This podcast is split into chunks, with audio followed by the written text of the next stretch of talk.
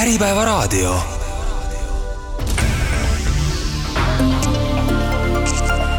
töö ja palk.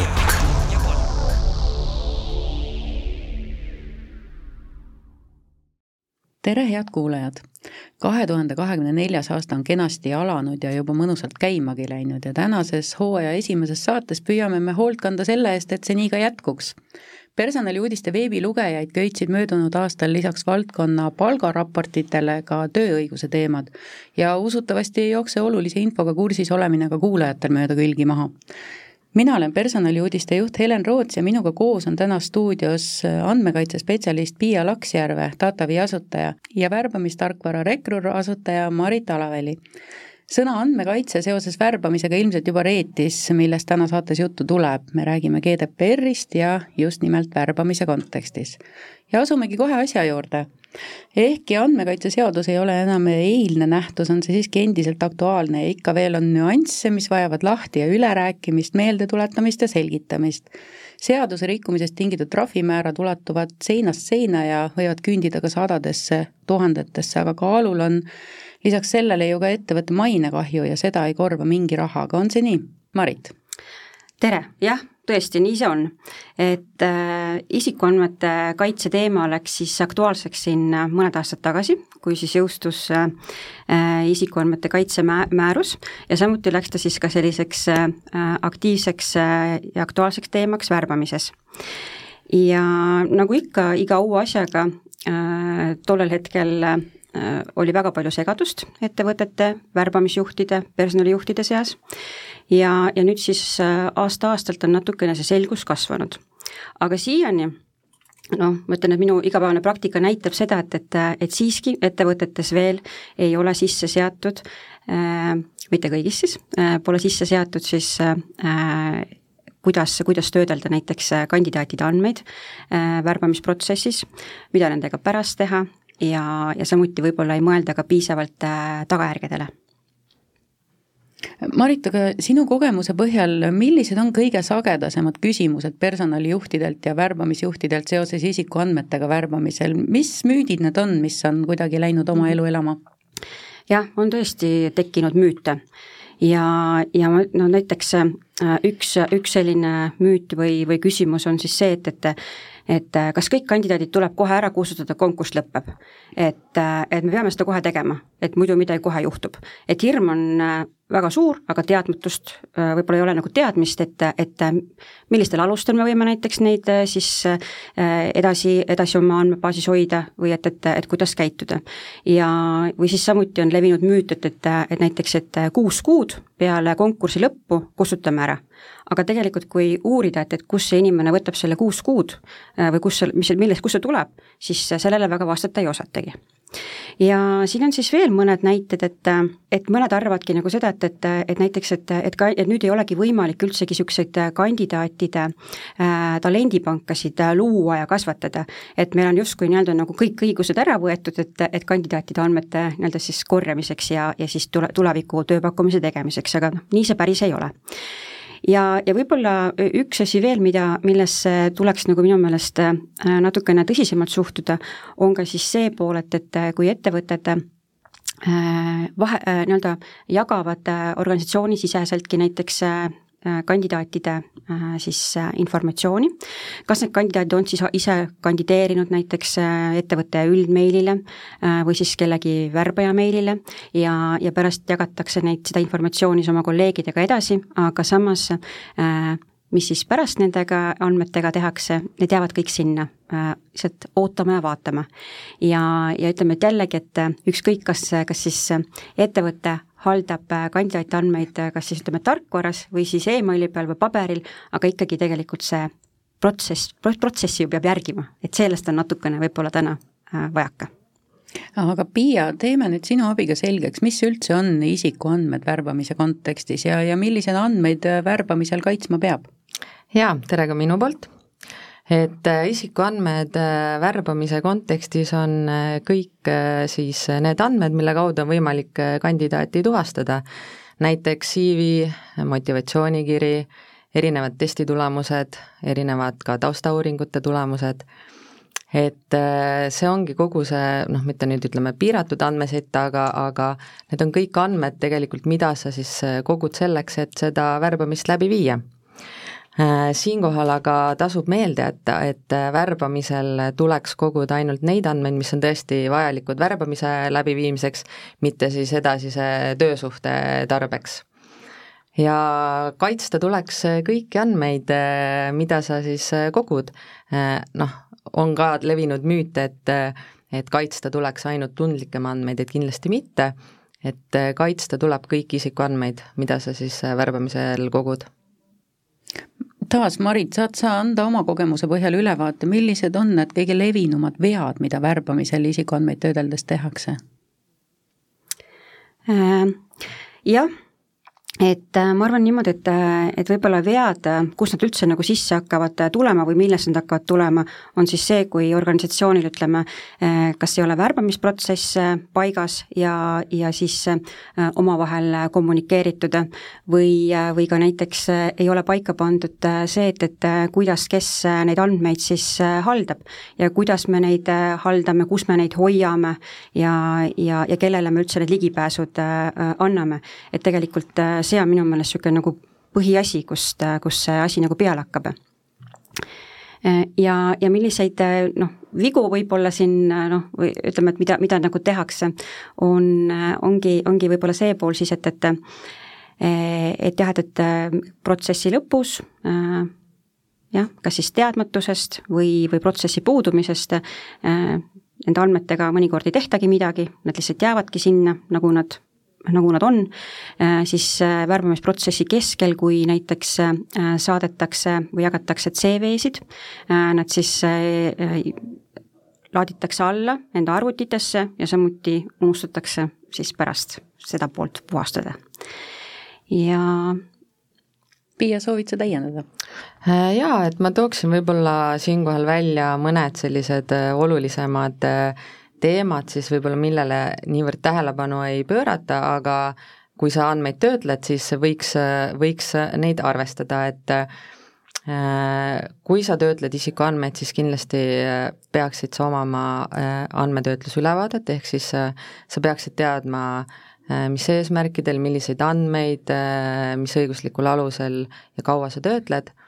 sellesama ülevaate pinnalt tuleks koostada ka privaatsusteated, mis siis tuleks äh, kandidaatidele enne andmete kogumist äh, avalikustada. Ning loomulikult andmete säilitamine,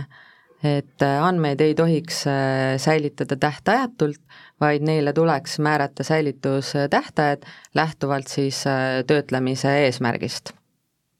nii, aga kui nüüd äh, värbamist kavandades mingit andmete kogumist ja töötlemist äh, siis kavandatakse, siis kas see info andmete töötlemise kohta peab olema avalik, ma saan aru, et kus ja, ja kellele see avaldada tuleb? jaa, et äh, info andmete töötlemise kohta tuleks kandidaatidele avaldada ja seda tuleks teha enne, kui sa hakkad andmeid koguma, kuna sel viisil siis kandidaat saab enne, kui ta andmed edastab, ka tutvuda, et kuidas ja mismoodi tema andmeid töödeldakse. ja parim viis, äh, kuidas seda teha, on näiteks avaldada töökuulutuses. mis kujul selle sinna töökuulutusse sisse pista võiks? Äh, näiteks äh, link või viide siis, noh, linkida ei saa, aga viide kodulehele, kus need siis on üles pandud jah, ja ma täiendaksin siinpool seda, et, et et lisaks töökuulutusele, et kuna paljud kasutavad, ettevõtted kasutavad ka äh, värbamistarkvarasid, et siis on võimalik panna ka juba kandideerimisvormi juurde samuti need kõik, kõik vajalikud äh, viited ja lingid ära, et, et, et kandidaat, et tal tegelikult on siis nii töökuulutusel kui kandideerimisvormil, äh, on tegelikult tal võimalus nendega tutvuda. Ja kindlasti ka, miks mitte ettevõtte karjäärilehel see info välja tuua, eks ole. Mm -hmm et neid äh, võimalusi on nagu väga erinevaid, aga lihtsalt äh, tuleb need enda jaoks sobivad üles leida. ja praktikas tegelikult äh, peab ütlema, et väga palju viiteid ei leia töökuulutuste pealt täna aga kas, kuidas jällegi sinu kogemus näitab, kas kandideerijad on, on teadlikud oma õigustest, kas nemad oskavad otsida ja küsida seda, et, et mis minu andmetega tehakse? Minu kogemus äh, ütleb seda, et, et kandideerijad saavad tegelikult täna üha rohkem teadlikumaks äh, oma õigustest ja ja üha sagenenud on, on siis äh, kandideerijate poolt äh, pöördumised ettevõtete juurde, et äh, kus nad siis konkreetselt küsivadki, et palun edastage mulle, et milliseid andmeid te olete minu kohta kogunud, kus kohas, kellele te neid siis, kellega jaganud olete, ja, ja tegelikult palutakse päris palju just ka neid kustutamise, andmete kustutamise palveid, et jah nii, aga mm, -hmm. aga nagu teada on, kõikide asjadega alati hirmus kiire. Ja paljud tegevused jäävad viimasele minutile, et kui ma nüüd täna järsku avastan, et mul on homseks või, või veel hirmsam, eilseks vaja privaatsusteateid töökuulutuse ja konkursi jaoks, siis kas on mõistlik, kui ma kopeerin ütleme, teise sarnase ettevõtte privaatsusteated ja, ja neid siis mugandan, me toimetame ju alatasa samamoodi näiteks töö- ja üürilepingu põhjade ja palju muuga, Piia no kõige parem praktika see ei ole, seetõttu et äh, sel viisil toimetades see privaatsusteade ei pruugi vastata tegelikule olukorrale, äh, see võib olla vigane ja seal võib olla puudusi. et äh, privaatsusteated tuleks ikkagi koostada lähtuvalt sinu andmetöötlusele ja selleks sul peaks olema siis ka koostatud seesama andmetöötlusülevaade, millest ma ennist ka rääkisin aga kelle käest ma võiksin nõu küsida, kui ma nüüd seda kiiresti pean tegema, kas, kas ettevõtte jurist on see, kes mind võiks aidata või, või? et äh, siinkohal oleks mõistlik küsida nõu, kas äh,, kui teil on ettevõttes olemas äh, andmekaitsespetsialist, siis tema poole pöörduda, või juhul, kui teil ei ole andmekaitsespetsialisti, siis vastava valdkonna muu välise partneri poole, kes aitaks teil kokku panna äh, siis äh, nõuetekohased privaatsusteated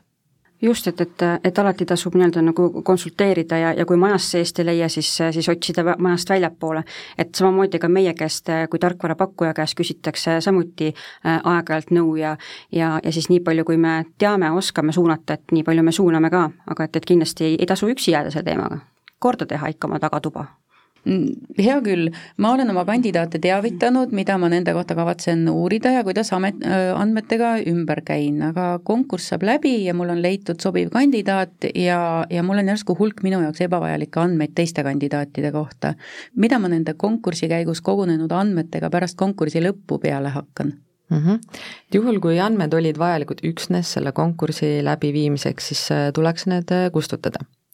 siinkohal ikkagi soovitan äh, läbi mõelda, et millised andmed võiksid olla vajalikud võimalike vaidluste tarbeks äh, tööandja õiguste kaitse kontekstis. Ja neid andmeid soovitan ma säilitada kuni siis selle vaidlustustähtaja möödumiseni ja juhul, kui äh, sul on andmed, mis on äh, kogutud äh, nõusoleku alusel, siis neid sa saad säilitada kas siis nõusoleku tagasivõtmisena või kui nõusolek oli antud tähtajalisena, siis selle tähtaja möödumisel nii, aga kui mul on need andmed juba, juba olemas, siis kas ma võin näiteks teha endale erinevaid toredaid nimekirju, näiteks nimekirja headest kandidaatidest, kellele ma võib-olla sooviksin tulevikus sobiva ametikoha avanedes tööd pakkuda? Äh, jah, et, et, et see on tegelikult ju värbaja töös äh, see põhiline väärtus, et, et luua seda talendibaasi. ja, ja see ongi tegelikult üks asi, mida, mida peale seda GDPR-i tulekut äh, paljud värbajad nii-öelda nagu pelgama on hakanud, et, et kas me nüüd ta-, tohime luua, et ja sellepärast on ka võib-olla mõned, mõndadel jah, see, see talendibaas üldse tänasest kadunud. aga, aga et jah, et, et mina, mina kindlasti pooldan ja soovitan seda talendibaasi kasvatamist ja loomist ja sinna tuleks lihtsalt juurde võtta äh, siis kandidaadilt nõusolek, et äh, millisel otstarbel te siis äh, neid tema andmeid hoiate, et näiteks tulevaste tööpakkumiste eesmärgil ja kui pikaks ajaks te siis neid andmeid küsite? Just nimelt, nagu Marit välja tõi, et juhul, kui sa soovid hoida siis kandidaadi andmeid selleks, et hiljem talle siis mingit sobivat töökohta pakkuda, Äh, oleks vajalik tema vastav nõusolek, äh, seal nõusoleku vormil või blanketil tuleks samuti äh, välja tuua, et tal on võimalus igal ajal see nõusolek tagasi võtta, samuti oleks hea, kui see oleks välja toodud ka, et kui kaua siis seda nõusolekut säilitatakse. ja lisada võiks täiendavalt ka viite siis nendele privaatsusteadetele, millest siin varasemalt ka juttu oli nii et tavalisest, ütleme sellisest tagasiside meilist, et kahjuks te ei osutunud valituks, sellest ei piisa, et sinna lisada, lisada juurde see, et aga kas võime hoida teie andmeid? ja see peaks ikkagi olema selline eraldi nõusolek, et äh, ta saab tõesti aru, et äh, ma annan mingil konkreetsel eesmärgil oma nõusoleku andmeid edasi töödelda ja, ja samuti see teave, et, äh, et ta saab tagasi võtta ja et ta ka teaks, kaua siis neid andmeid edasi säilitatakse nii, aga, aga kas ma võin teha nende andmetega ka hoopis äh, sellise musta nimekirja näiteks äh, sarikandideerijatest, kes, kes ikka ja jälle kandideerivad ja, ja raiskavad äh, iseenda ja teiste aega. ja, ja kas ma võin seda nimekirja näiteks kolleegidega jagada, et ka nende aega kokku hoida? Juhul, kui sa soovid sellist musta nimekirja pidada, siis sa peaksid põhjendama, et mis on see väga suur oluline huvi sul seda teha ning äh, miks vastavad huvid kaaluvad siis üles äh, kandidaadi äh, õigused. tänaseni ei ole minule vähemalt suudetud sellist huvi maha müüa, seega ma ütleks, et minu hinnangul see ei ole põhjendatud ja, ja sellise nimekirja jagamine siis teiste töötajatega samamoodi peaks olema põhjendatud, et need teised töötajad siis vajavad neid andmeid kuidagi oma tööülesannete raames Marit, kuidas sinu ja. kogemus näitab, oled kokku puutunud? jah, ja mina selles mõttes äh, siin natukene kaitseksin värbajate õigusi, et, et nende, nende igapäevatöö ongi, on, eks ju, kandidaatidega tegelemine ja, ja ütleme, mis on need niisugused võib-olla praktilised juhtumid, et et kustkohast üldse tekivad need nii-öelda need mustad nimekirjad või siis, et, et need sarikandideerijate nimekirjad. tavaliselt see olukord on siis selline, et tööandja paneb kuulutuse ülesse, noh, tavaliselt või mitu kuulutust, ja, ja sellele kuulutusele kandideerivad inimesed eh, olenemata üldse võib-olla ise teadmata, et millisele ametikohale ta kandideerib, sellepärast et ta profiil mitte kuidagimoodi sellele ei vasta. või on ta siis juba eelnevalt kandideerinud siin mitmetele lihtsalt eh, selle ettevõtte poolt üles pandud kuulutustele. ja, ja nüüd siis värbe seisukohast ongi just see, et, et ma juba peast ka juba tean, et, et, et see nimi noh, see on see, et mul tegelikult ei ole temaga reaalselt mitte midagi teha, ta ei sobi meie ettevõttesse. ja, ja lihtsalt äh, noh, see ajaline, ajaline kokkuhoid äh, jah, et, et saaks tegeleda tegelikult kvaliteetsete kandidaatidega. ja et, aeg on ju meie kõige väärtuslikum ressurss. et see on nagu ja. see põhjendus, miks jah, miks, miks neid asju noh, tehakse nii, aga kui kaua ma tohin üldse neid värbamise käigus kogutud andmeid äh, säilitada, sa, Piia, mainisid siin enne kuuekuulist perioodi või äh, Marit mainis vist jah, kuuekuulist perioodi või siis äh, ütleme seda vaidlusperioodi lõppu, kui pikk see, see vaide esitamise aeg võib olla või, või kui kaua ma võin jah, säilitada neid kogutud andmeid ja millistel alustel?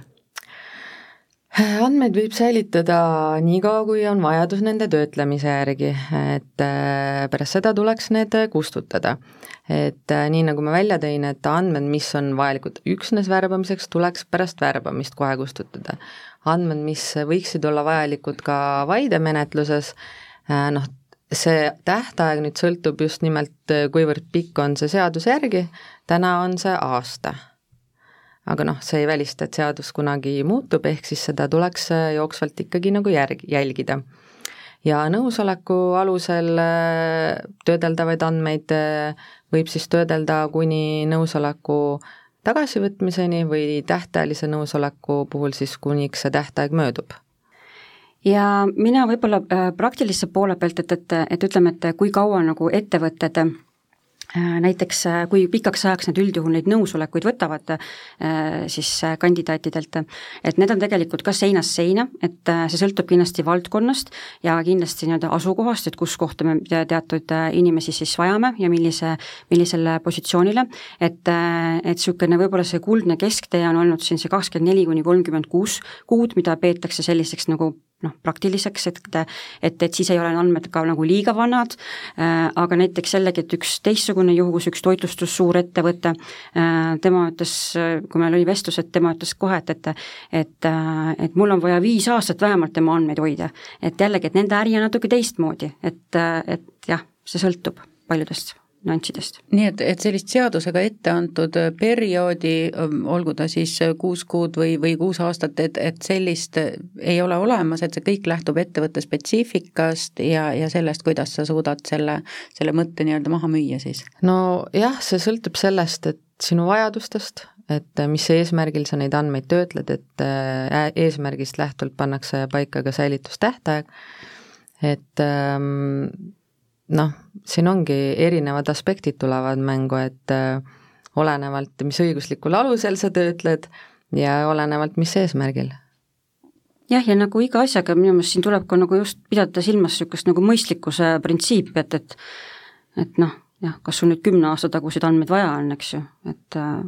või siis, või siis teine pool on ka see, et, et ega siis võib-olla kohe kiiresti, kui konkurss läbi, ei pea ka reageerima et, et jah, lihtsalt ongi enda jaoks nagu selgeks tegema, et milleks te hoiate neid, et siis oleks kõikidele osapooltele pärast selge. ja noh, praktika näitab, et äh, nende säilitustähtajad aegade määramisega on ka äh, ikkagi raskusi ettevõtetel, et jällegi, et tasub siis äh, spetsialistidega konsulteerida, sest neil on neid praktilisi kogemusi ka piisavalt, et äh, et siis nõu anda hea küll, konkurss konkursiks, aga inimesed saadavad oma CV-sid ettevõttesse tööle saamiseks ju ka omal initsiatiivil ja väljaspool konkursse. kuidas nendest CV-des oleva teabega ümber käia, kas see kuidagi erineb? Juhul, kui sa neid andmeid ei vaja, ehk sul ei ole talle mingit töökohta pakkuda, siis tuleks need andmed kustutada. aga juhul, kui sa tahaksid näiteks seda CV-d ikkagi säilitada, Äh, ja talle mingit ametikohta pakkuda, hiljem näiteks siis tuleks temalt võtta nõusolek. nii, Marit, sinul on kindlasti palju põnevaid mm. näiteid sellega seoses? Ehm, jah, siin mõni, mõni näide tuleb meelde küll, et äh, ma arvan, et, et see on äh, pigem ka võib-olla äh, probleem just äh, selliste lihtsamate tööde, ametikohtade puhul kes siis jah, et, et näiteks jälle üks, üks, üks hea hea Eesti ettevõte et nende värbajad ütlesidki, et, et aga mida ma siis teen nende kandidaatidega, nad saadavad meile üldmeilile oma CV nad ei pane juurde teksti, mitte midagi, et lihtsalt saadavad oma CV. et äh, see on nüüd meie postkastis, me oleme selle justkui nagu saanud ja me nagu võiksime justkui sellega nagu midagi siis äh, nagu teha, aga praegusel hetkel mul ei ole talle midagi pakkuda ja kui ma näiteks saadan talle siis äh, kirja vastu, et, et, et noh, et, et kas näiteks soovite säilitada, no ühesõnaga, kas te soovite, soovite, et, et me siis annate meile nõusoleku andmete säilitamiseks siis, siis sealt muidugi omakorda ei tule midagi vastu. et, et eks ta ongi niisugune eh, ta on natuke keeruline, et, et, et kuidas neid et ma arvan niimoodi, kui on spetsialisti tase ja juhi tase, et siis tegelikult inimesed saadavad äh, oma, kui nad saadavadki kas või emaili peale oma andmed, nad tegelikult panevad juurde ka kirjelduse, mida nad otsivad äh, ja et, et nad soovivad sinna ettevõttesse tööle tulla ja, ja samuti, kui, kui siis saadetakse sulle vastu, et, et nõusoleku saamiseks informatsioon, siis, siis sealt tuleb ka vastus. aga jah, et, et ütleme, et lihtsamate ametikohtade puhul võib see olla niisugune põrgatamine mida sa, Piia, soovitad sellises olukorras äh, teha? Äh, olukorras, kus äh, sinu nõusoleku palvele ei vastata, siis ma ütleks, et see huvi ei ole piisavalt suur, mistõttu tuleks seda ikkagi käsitleda siis sellisena, et ta ei soovi sinna hiljem, hiljem tööle tulla siis. et mul ei lähe neid andmeid ja, vaja ja, ja, ja kustutame ära. kustutame ära mm. -hmm sest muidu ütleme, et nende, kui inimesed soovivad äh, ka, või noh, ütleme, et potentsiaalsed kandidaadid, kui nad soovivad teatud ettevõttesse äh, siis äh, oma CV-d saata või siis, või siis, või siis jah, tööle sinna saada, et, et siis noh, väga levinud ongi, ütleme, et karjäärilehed ja seal siis juba nii-öelda ka eraldi vormid, kus sul, kus saab ka nii-öelda nõusolekuid juba juurde anda. et see on iseenesest see kõige, kõige lihtsam ja valutum tee, et, et kuidas, kuidas seda äh, jah, lahendada nii, aga samas üha sagedamini kasutatakse tänapäeval ju värbamistarkvara või värbamispartnerit ja kui ma nüüd olengi otsustanud siis emba-kumba kasutada ja nemad kinnitavad, et nende tegevus vastab GDPR-i nõuetele, kas siis ongi kõik korrektne? no üksnes äh, selline kinnitus ei ole piisav, et juhul, kui sa kasutad äh, välist partnerit ja nad asuvad töötlema kas sinu töötajate, kandidaatide või, või klientide andmeid, siis äh, vajalik oleks samuti kaardistada nende andmetöötlus, et siis vajadusel anda neile vajalikke juhiseid, soovitusi andmete nõuetekohaseks töötluseks. et ähm, jah selline kinnitus kahjuks ei ole piisav, kuigi see oleks väga mugav. Äh, jah, et, et meie, meie selles mõttes tar-, tarkvarapakkujana me äh, puutume selle küsimusega igapäevaselt äh, kokku ja kui on, ütleme niimoodi, praktika näitab seda, et kui on Äh, kui on tegemist suurema organisatsiooniga, äh, siis äh, küsitaksegi konkreetsemaid, täpsemaid küsimusi ja saadetakse ka vastavustabelid, et nii-öelda nagu nõuetele vastavustabelid ja, ja selle järgi siis juba siis see on nagu üks nii-öelda nagu pool, mille järgi üldse saa-, nad saavad otsustada, et, et kas, kas teatud tarkvara üldse näiteks kõlbab neile või mitte. Ja, ja ütleme, et need sagedasemad võib-olla küsimused Äh, on ka kindlasti just äh, seotud, äh, ongi turvalisusega, üldisemalt turvalisuse teemadega ja just ka see, et, et mis asukohas neid andmeid hoitakse ja säilitatakse. aga millised on need põhilised küsimused või kriteeriumid andmekaitse vaatest, mida ettevõte peab värbamistarkvara valikul kindlasti kaaluma? Eelkõige tulekski aru saada, et milliseid tehnilisi turvameetmeid selle tarkvara siis käitamisel äh, Äh, kasutatakse, et äh, kas seal äh, on logihaldus paigas, et kas seal logitakse, mida seal logitakse, samuti juurdepääsupiirangud, kas võimaldatakse tähtajalisi, tähtaja, tähtajatuid juurdepääse ja samuti, millised on andmete kustutamise võimalused, et praktika näitab ikkagi seda, et nendes teemades on puudusi ja tihtipeale ka ei ei soovita siis nendesse panustada, nendesse teemadesse? Eh, jah, et, et, et võib-olla paar lihtsalt täiendust, et, et mida, mida meie juurest, mida meie käest võib-olla veel küsitakse jah, et, et siin ennem mainisin, et just, et, et see hoiustamine oleks kindlasti Euroopa piires, et see asukoht, ja, ja siis äh, küsitakse ka samuti, et, et, et kas on teatud andmed siis äh, anonüümiseeritud, kas on, millal te, kui tihti tehakse back-up'e, et äh, lisaks siis juba Viia poolt mainitud teemadele Ja. ja üks asi veel, mida tegelikult, mis on minu meelest väga oluline, on kui ja, ja just ka lepingu vaatest, et et, et kes on siis vastutav töötleja ja kes on siis see ka-, kaastöötleja, andmete kaastöötleja et, et need tavaliselt siis fikseeritakse lepinguga ära ja, ja need on ka niisugused punktid, mille üle tavaliselt äh, vestlus käib. nii, aga värbamisel kasutatakse aina sagedamini ka tehisintellekti ehk ai-d, kuidas sellesse peaks suhtuma? no ikka vastutustundlikult, et ähm, et nii nagu ikka, juhul kui ettevõte võtab kasutusele mingi uue süsteemi, tuleks äh, hinnata võimalikud äh, riskid, et mis siis võivad andmetöötlust või isikuandmete kaitset siis mõjutada, aga kuna tegemist on sellise uudse tehnoloogiaga, siis lisaks riski hindamisele tuleks ka teostada mõju hindamine. Aga kuna need mõlemad teemad on sellised juba noh, riski hindamine, mõju hindamine keerulised ja niisugune keskmine ettevõtjale võivad need tunduda niisugused utoopia, et siis jälle ma soovitan võtta ikkagi ühendust enda vastava valdkonna spetsialistiga ja küsida nõu, mitte hakata ise äh, jalgratast äh, leiutama. nii, aga kui nüüd siiski selgub, et värbamistarkvarast on andmed lekkima läinud ja, ja kui mina olen kõigest kasutaja, siis ju tekib kahtlemata küsimus, kes vastutab Äh, juhul, kui kasutad äh, välist partnerit ja sina oled äh, vastutav töötleja ning sa ei ole seda partnerit kaardistanud, sa ei ole andnud talle andmetöötle, andmetöötluseks juhiseid ega sõlminud andmekaitselepingut, siis vastutad sina, mitte sinu partner. aga kui need tegevused on tehtud korrektselt? kui need tegevused on tehtud, sa tead, kuidas sinu partner andmeid töötleb, te olete äh, Äh, tuvastanud kitsaskohad, äh, tegelete nende maandamisega, sõlmitud on andmekaitseleping, siis äh, iga töötleja vastutab ise oma andmetöötluse eest. kas sellised juhtumid on sagedased, on neid üldse, üldse juhtunud, ette tulnud? lekkeid? jah Ehm, õnneks, õnneks, õnneks neid ei ole, ei ole väga palju ette tulnud ja ma arvan, meie praktikas vist tegelikult ega ei olegi, aga, aga mida on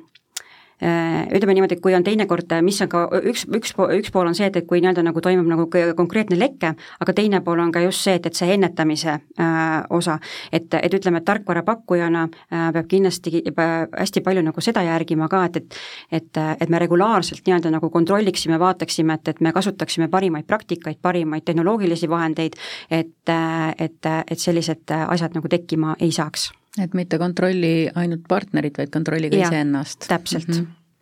nii, aga siit kohe ka järgmine küsimus, kas mul oleks mõistlik siis sõlmida jah, oma, oma värbamispartneriga andmekaitseleping või milleks seda täpselt vaja on? no andmekaitseleping äh, on vajalik äh, just seetõttu, et äh, see saab alguse nende samade andmetöötlusrollide paikapanemisest, et kes on siis vastutav töötleja, kes volitatud töötleja, kas ollakse kaasvastutavad töötlejad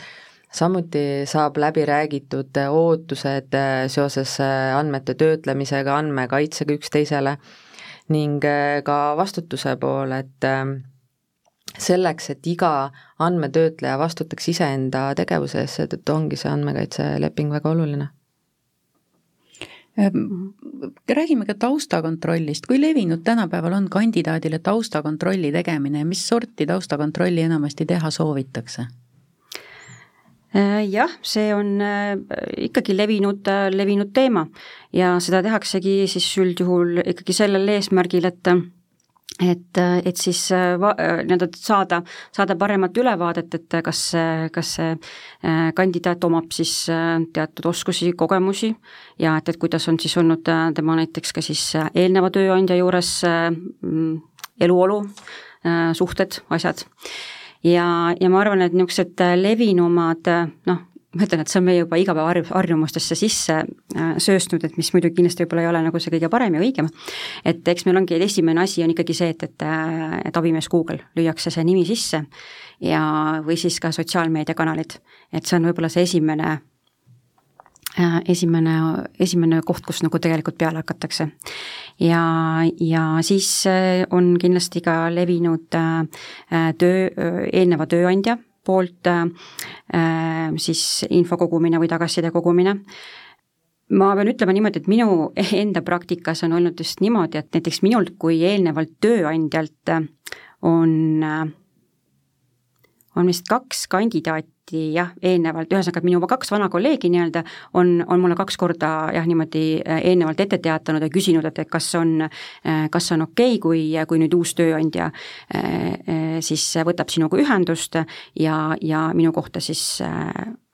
pärib et viisakas on ka ja. küsida tööandjalt seda nõusolekut, et kas ma võin sinu kontakti jagada oma soovitajana mm. -hmm. jah aga, aga ja ma arvan, et võib-olla siinkohal äkki Piia oskab selles osas äh, nüüd äh, paremini kommenteerida, et et see, ja, seda guugeldamist ja neid kohtasid. ei, ma tahtsin just küsida, et mis riskid seal võivad ja. olla, et kõik mm -hmm. sekendused nimekaimudega ja mingi valeinfo, mida, mida, et kuidagi peab olema ju kandidaadil õigus või võimalus nagu mm -hmm. selgitada või, või seista enda eest, jah, nii. et ma tahtsin veel lisada, et noh,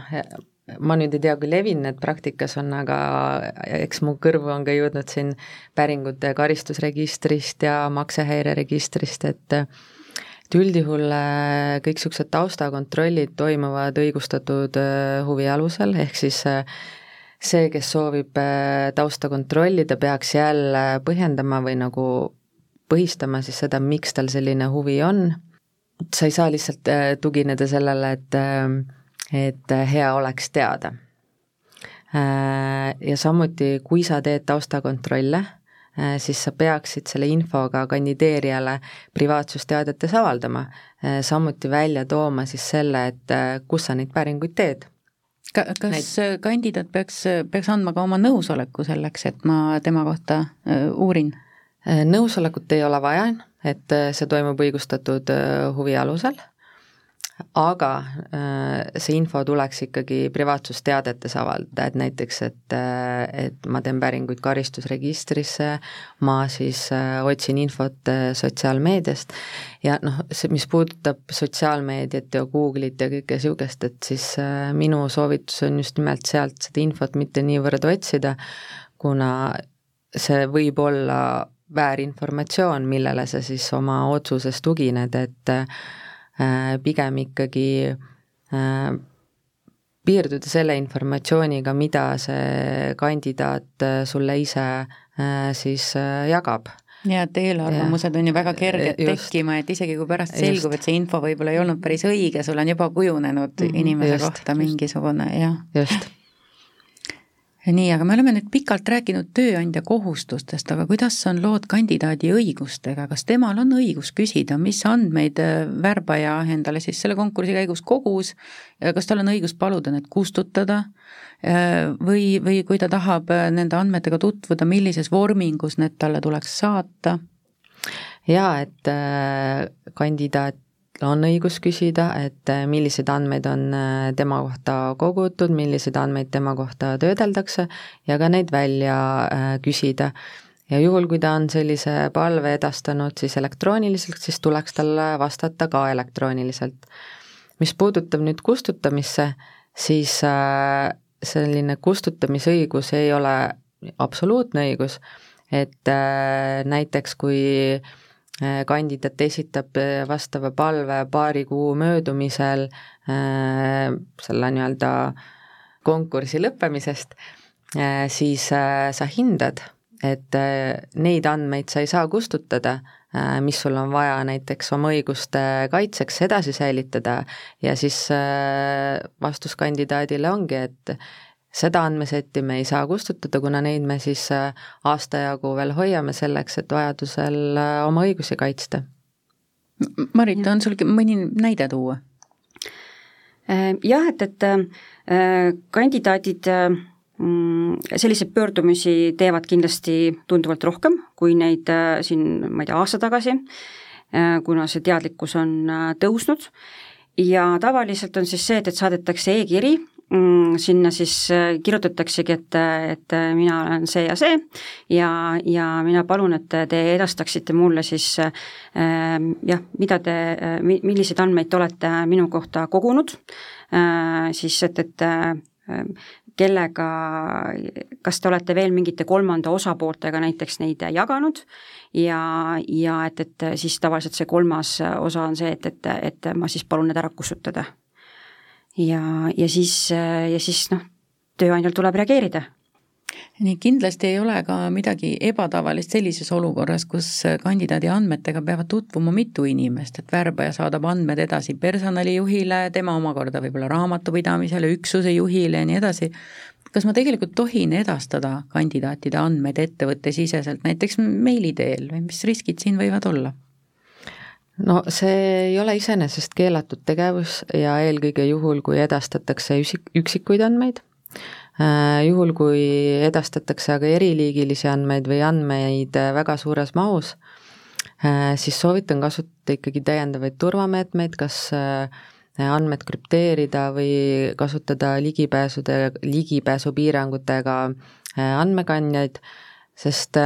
meili teel andmete edastamise puhul äh, tegelikult ei ole palju vaja, et,